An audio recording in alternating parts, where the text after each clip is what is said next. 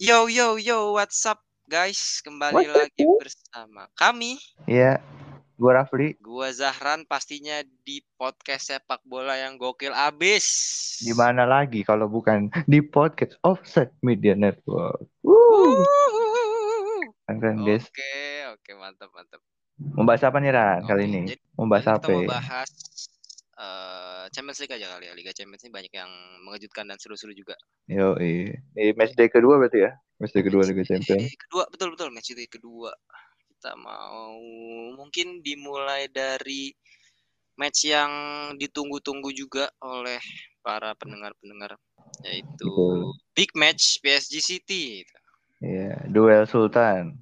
Duel Sultan dan eh, ulangan dari semifinal mi- eh, musim lalu Iya, yang betul. dimenangkan oleh PSG. Udah gitu Messi ngegolin. Oh, gol pertama Messi. Ini bisa Akhirnya ngegolin dia. Naikin percaya dirinya lagi sih. Semenjak dia Ah, beberapa pertandingan cuma kena tiang-tiang terus gak nyetak ya gol. emang itu udah kayak main crossbar challenge ya. Kayak kan kena tiang dia free kick empat Bener, kali kan. Kayaknya Itu tiang kalau udah di tiga, udah tiga kalau kali. dia main crossbar challenge sudah dapat door prize itu. Bener. Udah juara satu dia. Makanya. Target semua itu. Asli. Dan kalau menurut gue yang paling kelihatan di pertandingan ini selain dari golnya Messi, Donnarumma sih oke banget. Makanya situ sempat bobolin. Bagus banget sumpah. Udah kayak Bagus pas banget dia ya. di Itali gitu. Kayak di timnas Itali main. Nggak tahu ya mungkin emang ada kayak ya, apa? Kayak eh, semacam spirit untuk bisa dapat tim tempat utama atau kayak gimana gue gak ngerti. sih. betul, betul, betul, betul. Sebenarnya kalau kita lihat dari kedua tim juga nggak nggak nggak benar-benar ada yang dominan ya kan. Dari stats pun eh, cukup imbang. Bahkan City lebih banyak loh shotnya. Mm-mm, Ya, City lebih betul. banyak shotnya. Cuman ya masalah mereka kembali lagi di finishing akhir. Ternyata secara mengejutkan Pep menggunakan Raheem Sterling sebagai striker. Ya wajar ya kalau gitu jadi susah nyetak gol ya wajar sih. Ya, padahal shot 18 loh. On target 7. Big chance, miss 3 City. Mereka tuh ada satu kena tiang setahu gua.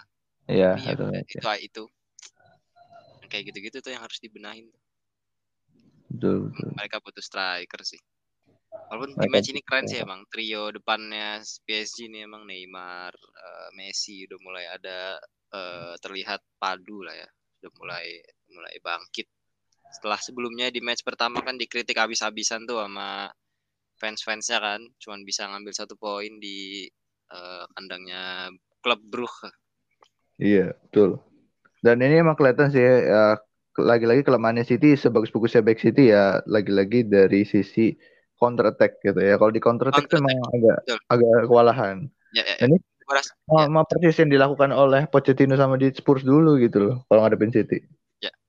Gua rasa emang eh, kali ini Pep agak ini aja sih agak eh, kecolongan aja kali ya. Soalnya kan biasanya dia kalau ngelihat eh, match apalagi mempersiapkan dengan baik pasti tuh dia eh, ngelihat dari segala sisi lah. Kita contoh lawan Chelsea kemarin kan mereka nyerang bagus, sabar secara penanganannya, pencegahan dari eh, apa yang bisa dilakuin Chelsea pun mereka lakuin gitu. Cuman di match lawan PSG ini ya sedikit kecolongan aja dari counter. Betul, betul. Jadi sebenarnya PSG nggak main bagus-bagus amat juga menurut gua. PSG ya PSG bakal main kayak gini-gini terus gitu.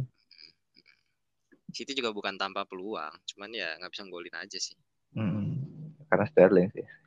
Walaupun ya pemain depannya hitungannya rotasi sih kali ini Mahrez sama Sterling. Yang beda tuh sebenarnya Mahrez Sterling aja dari starting eleven yang biasa dimainin. Iya. Biasanya kan yang main tuh Jesus sama Foden kan. Kali ini mereka nggak main. Bahkan yang masuk tuh Jesus Foden loh. Mm-mm. Foden tuh masuk, Jesus masuk. Padahal gue berharap Ferran Torres yang main jadi striker, cuman Sterling jadi ya oke lah. Mungkin Sterling mau dikasih kesempatan lagi sama Pep gitu ya, cuman emang nggak bisa membuktikan sih.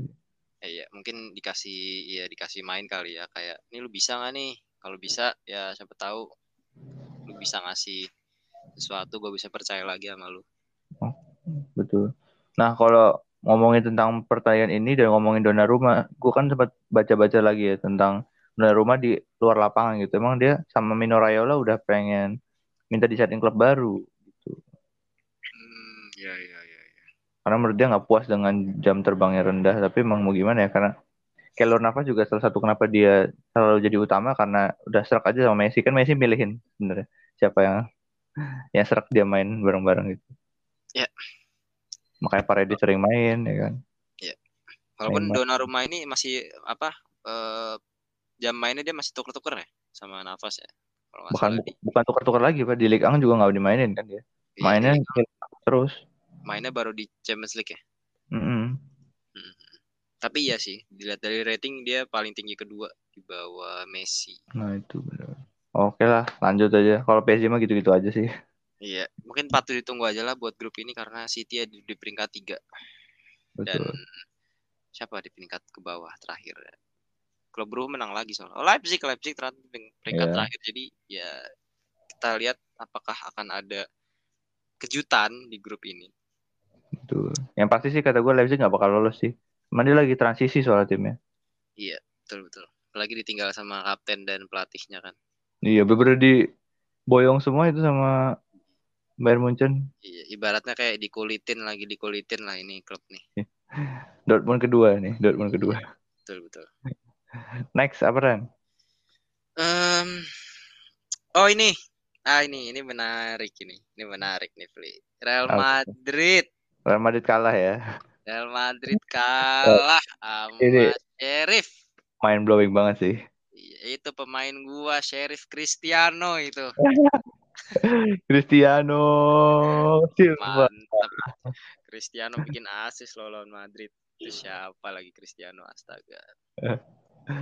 bisa Ya. ketukar dari ah Cristiano siapa Ronaldo bukan Iya, ternyata ada, ada lah yang namanya Cristiano, ada yang namanya Adama Traore. Aduh, itu kayak kembaran di negara lain itu iya. Namanya mirip-mirip aja udah. Terus yang paling mencuri perhatian tetap kipernya Sheriff sih emang Iya. dari pertandingan pertama gue udah bilang Sheriff tuh yang bagus kipernya Padahal banget. Emang kalau lihat statsnya tuh jauh banget ya. Possession tuh Madrid 76%. Mereka tuh ngandelin defense dan agak rapat. Heeh, agak rapat, tapi bukan yang paling nggak bisa ditembus. Setiap kali ditembus backnya, kipernya yang nggak bisa ditembus. betul Total shot oke 31 banget loh Madrid. anjir Bayangin gila banget itu 31 shot on target 11. Yang bobol cuman satu, satu penalti ya wajar aja penalti. Penalti ditebak loh. iya iya bahkan penalti pun ketebak gitu Keren. karena ditebak. kencang aja Iya makanya, emang kencang dan bagus bahkan aja sih penaltinya. bahkan testimoni dari pelatihnya Sheriff aja kita tuh nggak nyangka bisa menang gitu loh pas Iya. Madrid makanya sampai kayak wow bangga banget Anjir. emang emang ini tim lagi apa istilahnya lagi lagi lagi lagi naik banget lah lagi lagi nggak tahu ada lagi dapat sesuatu aja nih ya kan? Nggak siapa yang nyangka satu satu menit 89 tiba-tiba bola bola dari throw in bola oper tendang cakep masuk gol. Mm-mm. si Til. Sebastian keren sih. Till itu golnya keren sih. Itu nggak ada yang nyangka sih main Madrid fans Madrid nih gol kayak gitu. Betul. Dibobol seorang Bang. Courtois. Di menit-menit akhir nggak sih? Iya di menit-menit akhir 89 orang pa- pasti kan expect ah udah ini masuk satu iya asli tiba kebobolan ya gitu. Kebobolan juga bukan kebobolan gol biasa. Kebobolan gol-gol kayak gini ini gol apa cakep. Heeh. udah kayak apa ya mungkin gue mungkin semangatnya itu loh. Semangat karena anjir ini main di Liga Champions tuh nggak setiap tahun kan. Betul. Ya sekalinya ada kesempatan langsung lah semua peluang harus gol gitu. Udah gitu eh, apa ya mereka udah ngeliat nih kita udah menang nih di match satu ya kan? Betul. Ya kalau kita bisa menang di match ini kenapa enggak? Hmm. siapa tahu bisa lolos. Walaupun emang nggak ada yang em, memfavoritkan gitu ya di pertandingan ini. Betul. Ya mengejutkan lah ini. Kita lihat di grupnya aja lah nanti gimana? Soalnya masih ada mereka masih ketemu Inter lagi kan abis ini. Kalau misalnya mereka bisa menang lah bukan tidak mungkin mereka bisa lolos. Betul betul. Bahkan dengan hasil seri pun kemungkinan besar mereka lolos ini. Iya bisa, bisa. Mereka belum terkalahkan berarti kalau misalnya sama Inter imbang atau mereka menang. belum makanya. Mereka belum. Ya, gila.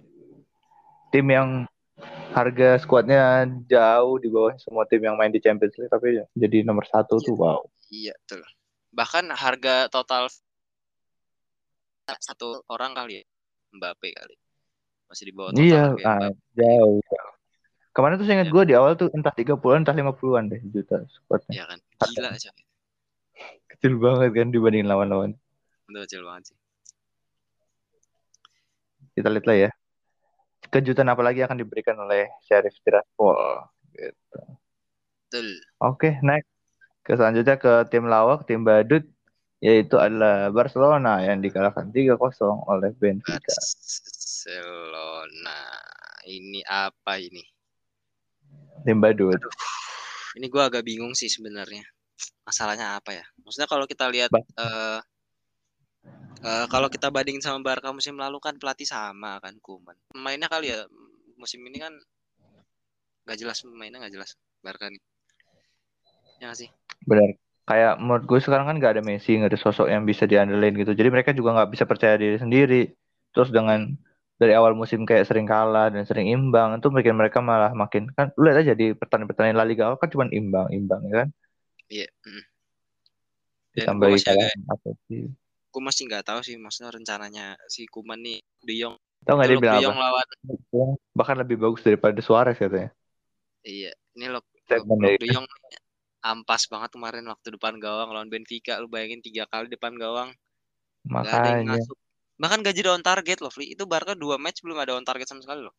gua ngakak banget tuh pas lihat Luke De Jong anjir bener-bener gak pantas ini di tim Barcelona Itu kalau banget misalkan ya, dua, iya, heeh.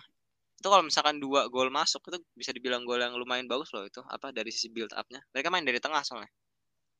betul Cuman itu si nomor 17 ini aja nih agak padahal dia tinggal finishing doang loh tinggal tap Iya in lah dia, itu dia tuh tinggal ceplos, istilahnya tinggal ceplos aja. Cuman gak dapet juga. On target pun gak dapet gitu loh. iya asli Masih mendingan Lord Braithwaite. Makanya dia udah masuk kategori Lord ini bentar lagi kalau misal dua pertandingan kayak gitu lagi wah udah Iya, Lord, Lord yang Lord itu. Padahal nggak tahu ya pandangan gua untuk sepak bola zaman sekarang tuh lu perlu striker yang lebih mobile sih daripada yang target man. De Jong Iya. kan tipe yang target man banget. enggak dia tipe lawak Iya, tipe lawak lah dia. Aduh, hiburan aja sih gua kalau lihat dia main terus kayak gitu terus mainnya ya kita perlu perlu tunggu aja lah ini gimana kelanjutannya nih Barca. Pokoknya Iya. kabarnya eh, Kuman nih nggak akan dipecat katanya sih gitu. ya karena satu dan lain hal intinya sebenarnya kalaupun ada yang mau jadi pelatih Barcelona bakal mikir-mikir lagi sih karena pengubahan pelatih pun nggak akan ngaruh sih kata gue Iya.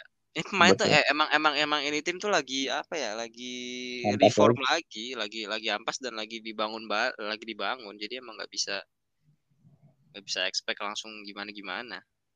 betul, betul. Pablo Gavi ini ada pemain muda nih. Hafi ya bagus tuh Hafi Main kemarin sempat nyuri perhatian deh. terus yang gue pernah baca juga malah justru sekarang yang jadi isu di Barcelona tuh Ronald Koeman-nya sendiri itu dia ini ya kayak membocorkan eh, isu internal mereka sendiri gitu Hmm. jadi kayak udah mulai mulai perseteruan sama pemain-pemain kayak sama Ike, Ike gitu. Ike sama Ricky Puig Kalau Ricky Puig tuh udah mulai beberapa musim lalu sih dia emang dari awal melatih tuh kelihatan nggak nggak terlalu percaya sama Ricky Puig. Dia dia Hmm. nggak nggak nggak pernah dimainin. kan pernah sampai ini keluar beritanya jadi bahwa dibilangkan sama Ricky Puig dia bilang eh, em, dia nyebarin bukan nyebarin ya dia cuma bilang kalau sampai si Koeman tuh bilang ke dia supaya nyari tim baru gitu cuma Ricky Puig Iya. kok nggak mau pindah Ricky gitu Puig nggak mau, Ricky Puig nggak mau pindah. Katanya kan dia belum mending keluar aja gitu. Iya. Ya seenggaknya kas ah, inilah apa pinjam, maksudnya lu cari jam terbang. Tapi dia nggak mau. Tapi ya tetap aja nggak dipercaya. akhirnya bakal kayak gitu pak lu di bench nggak pernah dimainin Mm-mm. Kasihan padahal. Dan Pique kan kita lihat kan udah mulai ngeluarin-ngeluarin statement lagi kan kayak dia biasa kan. iya Pique udah Ini- mulai di kayak kayak musim ini- lalu Ya ini tim emang lagi emang udah bukan kayak biasanya lah. Permasalahan bukan cuma satu. Siapa pun bisa jadi masalah di sini kayak gitu-gitu lah. Gue jadi Pique juga gede sih karena gue udah motong gaji gue gede ternyata nggak ada perubahan juga gitu loh Iya benar benar benar. Iya iya iya dia salah satu pemain yang yang ini. Yang buat apa gaji anjir ah gue jadi Pique kalau misalnya timnya kayak gini-gini gue mending cabut anjir. juga. Cabut sih. parah banget sih Barcelona lagi gembel banget ya mudah-mudahan nanti kayak Arsenal gitu mulai bangkit lagi gitu Barcelona Kita lihat Arsenal kan udah mulai ya, udah mulai naik no Arteta aja kemarin dapat dapat kepercayaan diri ya. Iya, Iya, mulai iya. dapat dia. next Cabut aja kita dari Barca ya. yoi Nah, apa nih selanjutnya? selanjutnya ada gue pengen bahas dulu nih sebelum ke yang seru-seru ada Salzburg lawan Lille Oh iya Salzburg. Salzburg gimana nih, Fli? parah ini ini matchnya nggak banget matchnya nggak banget asli cuman apa ya gue cuma ngeliat permainan yang nggak jelas ritmenya terus tiba-tiba penalti aja. Dan dua kali penalti. Udah gitu mereka penalti total udah dapat lima setahu gue ya. Dari match pertama Hmm. digabungin. Betul. Di mana banyak yang gagal? Berapa yang gagal? Ada dua total. Jadi tiga masuk dua gagal. Astaga. Tapi gue nggak paham gimana cara bisa dapat penalti. Total tuh penalti semua. Itu gimana cara? Gue nggak ngerti. Iya sih. Ya diving lah biasa. Cuman jago aja divingnya karena ya, emang mereka nggak bisa ny- nyetak gol. Jadi mereka ya salah satu cara nyetak golnya ya dengan diving aja supaya dapat penalti. Tapi apakah seenggak banget itu nggak banget. Lu lihat aja pertandingannya asli. Ya masih lebih mending itu Lille. Tapi Lille juga mending itu di babak kedua. Babak pertama juga anjir bener-bener nggak jelas tuh mainnya. Kayak Liga Tarkam gitu. Cuman dah bola bola baru nyampe pertengahan pertahanan lawan di apa direbut kan. Nanti sampai pertengahan la- lawan lagi balik lagi balik lagi muter-muter gitu terus kalaupun nanti ada yang mau shoot shoot dari jarak jauh ngaco gitu. Ujungnya nggak ngasilin apa-apa juga. Betul. Babak kedua tuh Lille kayak anjir gua kan mau ngejar gitu kalau tertinggalan. Akhirnya bisa nyetak satu gol. Dan di akhir-akhir tuh menit 80-an ke atas tuh udah bener-bener nyerangnya tuh udah satu keroyokan gitu. Maju semua pemain Lille kalau setiap nyerang. Udah apa paling ya long bolong bolong pas gitu ya? Iya, tapi seru banget anjir. Gue makin ke terakhir tuh ayo Lille Lille, nyetak satu gol at least gitu. Buat ngalahin tim yang dapat penalti mulu ini. Iya iya iya betul, betul, betul. tapi pada akhirnya tidak beruntung sepertinya Ya, nggak beruntung aja. Jonathan David dapat peluang emas sebenarnya, cuman gagal. ya kita tunggu aja lah ya pokoknya emang banyak kejutan lah ini dari Champions League ini nih Mm-mm. Betul. bukan cuman dari sisi mungkin ada tim yang tidak diunggulkan menang tapi dari bagaimana proses menangnya sebuah tim Betul. Lanjut apa nih Ran? Terakhir kali ya. terakhir aja terakhir eh ini kali ya Juve kali ya Betul. Juve Chelsea Em, kita masuk ke match ini gimana ya kalau kita ngomongin Juve Chelsea ini kan Chelsea ini kan abis kalah ya iya. City. mereka kalah eh perubahan dilakukan tapi gak, gak, gak dari sisi secara filosofi tetap ya Tuchel tetap ngandelin tiga back. Ya pokoknya biasalah tiga lima dua kalau nggak transformasinya jadi tiga empat tiga bisa bisa bisa macam-macam lah. Cuman kali ini menurut gue Juve-nya sih impactnya ada di Juve-nya sih. Juve-nya main lebih lebih kerja cerdasin menurut gue mereka tahu mereka nggak nggak nggak nggak bisa ambil peluang untuk coba nyerang nyerang habis-habisan karena bisa di counter jadi mereka mereka defense mereka yang ngandelin counter lawan Chelsea. Iya, iya betul. Dan juga karena nggak ada Kante ya menurut gue salah satu yang kelihatan banget. Iya. Kante tuh bisa dibilang bikin mereka confidence-nya makin oke. sebenarnya ada salah satu pemain yang gue sorot sih dari beberapa match terakhir tuh udah ampas banget tuh Lukaku sih. Iya, Lukaku dari beberapa match terakhir sih ampas banget pak. Bener-bener cara mainnya tuh kebaca banget. Bahkan apa ya nggak tau gue gue lebih lebih ingin melihat adanya Werner di tim itu lagi loh. Jadi lebih unexpected. Mereka bisa gerak ke mana-mana gitu. Kita nggak tahu siapa pemain ini akan ke mana pemain yang tiba-tiba ada di tengah ngisi kosongan tinggal Werner kayak gitu-gitu kan. Mm-mm. bisa jadi ada kalau misalkan Werner yang main. Dan eh Juve-nya juga dari sisi Juve-nya emang mereka defense bagus banget. Bahkan Chel- Chelsea pun nggak dapat on target sama sekali dan ini pemain Kiesa sih. Ini Kiesa ini emang oke banget sih ini Emang dia. Cuman sayangnya kayak kerja sendiri kalau gue lihat. iya benar-benar Kiesa tuh kerja sendiri sih pas nyerang tapi emang emang bagus dia dia tuh Bagus. kerja sendiri walaupun dibantu oleh eh, ya satu dua pemain lah mungkin Cuadrado atau Bernardeschi Oh, bukan tipe kalau orang Italia yang umumnya ya nggak sih? Heeh. Kayak orang Italia tuh biasanya kan mainnya lambat terus bertahan Iya. segala macam dia tuh bisa Iya, iya, iya. gedor gitu. udah gitu golnya bagus lagi Iya. bagus loh itu. Dan dan tahu kenapa gua nah gua gua nggak tahu kenapa lihat di match ini ini eh, bisa dibilang eh, salah satu match yang gua ngeliat Chelsea itu biasanya kan ini gue pribadi ngeliat Chelsea itu kan tim yang sudah sangat compact di defense ya. Bahkan deketin belakang aja susah banget tapi di match itu banyak celah loh. Mm-mm. Apakah Kelihatan lagi-lagi kayak Kante? Nggak tahu juga sih gue. bisa jadi itu masih jadi pertanyaan juga. Karena Ataupun soalnya yang selain Kante kayaknya terlalu back kali DMF DMF-nya kan bukan yang tipe DMF itu CMF semua itu kan. Kan apa Iya. Jorginho Kovacic itu kan box to box. Kalau Jorginho kan anchor banget, tapi dia emang nggak ada body gitu. Lebih ngandelin passingnya sebenarnya. Betul. Jadi ya wajar sih. Tapi uh, masalah sih sebenarnya buat Chelsea ini karena mereka cuma bisa ngasih satu shot on target tuh. Waduh, parah banget. Ya. Perlu dibenahin lah. Karena secara possession tuh jauh banget, Pak. Juve itu cuma 20-an. Bring back Werner. Ya, Werner tuh harus di harus di bring back sih. Karena udah terlalu flamboyan mainnya kalau sama Lukaku udah ketebak banget lah. Kalau sama Werner kan walaupun dia kayak gitu-gitu cuma lari-lari doang tapi at least iya. bikin bingung kan lawannya. Bikin bingung, ha. Lu tuh bisa narik lawan, bisa apa. Banyak yang gak ketebak lah dari Werner. Itulah juga yang menurut gue bisa dibilang kekuatan si apa Chelsea tahun lalu. Iya. Yang bikin itu salah satu impact yang buat Chelsea menang lawan City menurut gue. Ada iya. hal yang gak kelihatan di gol di balik golnya Havertz. Iya, itu kalau nggak ada pergerakan tanpa bola dari Werner nggak bisa tuh. Itu. Kalau Werner gak narik Ruben Dias tuh ruang gak kosong itu pak. Iya asli. Dan gak cuma sekali aja dia melakukan itu banyak sebenarnya. Dia berkali-kali dia berkali-kali. Cuman ya masalahnya kan cuma satu ya itu kadang ya, finishingnya itu loh. Depan gawangnya itu suka ngelawak. Makanya apa jangan-jangan dia itu mata silindris ya jadi kalau nendang nggak jelas gitu. Nendang tuh nggak jelas pak. Susah susah Padahal dulu pas di Leipzig pas awal-awal banget tuh yang lu tau gak yang skor lima empat lawan iya, iya. Munchen. Lawan itu gue dia sampai ngolongin Uno Ayer loh. Anjir gue bilang. Dia tuh bener-bener klinikal banget lah dulu. Tapi emang gue bisa ngeliat kayak eh, ini beda nih. Ini bukan kelasnya Klose, ya Muller gitu-gitu bukan, masih di bawahnya. Eh, bukan, bukan. Hmm. Lu belum bisa. Jadi Jerman sekarang belum bisa sampai ke era saat itu. Lu butuh main kayak Havertz beberapa orang kayak gitu. Jadi jangan yang model Werner banyak. Ya. Sebenarnya kombinasi Werner Havertz depan tuh juga oh, oke okay banget sih. Karena Havertz tuh lebih uh, tipikal pemain yang uh, semacam second striker gitu. Jadi dia bisa ngisi kosongan yang misal Werner uh, gerak kiri, gerak ke kanan, dia narik back lawan, Havertz bisa masuk di situ. Mm -hmm. Roaming flag ya? Iya.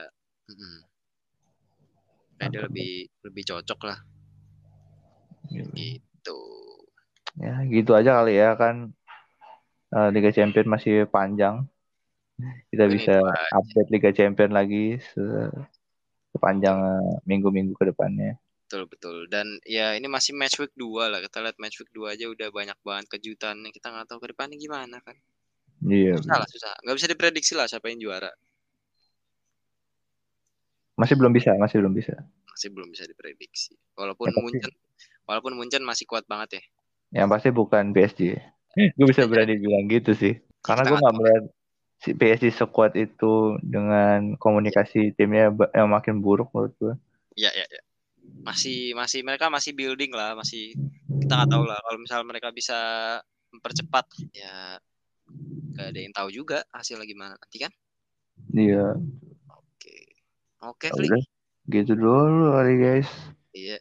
Jangan bosan-bosan dengerin kita berdua ya di betul, podcast betul selanjutnya yang pastinya makin ke sini bakal makin keren dan makin sotoy ya, dan makin seru yang pastinya. Kalau nggak seru makin didengerin dong ya enggak? Iya, makin gokil lah pokoknya. Oke. Ya wes. Ya gitu dulu guys. Iya. Gimana kan ada salam-salam buat para pendengar kita? Ya pokoknya ditunggu aja lah, didengerin aja udah. Di sini kita mencoba ya ngobrol aja ngobrol ya kan. Oke. Ya udah kalau gitulah kalian juga yang punya passion di bidang sepak bola gitu mau bikin podcast silakan banget gitu.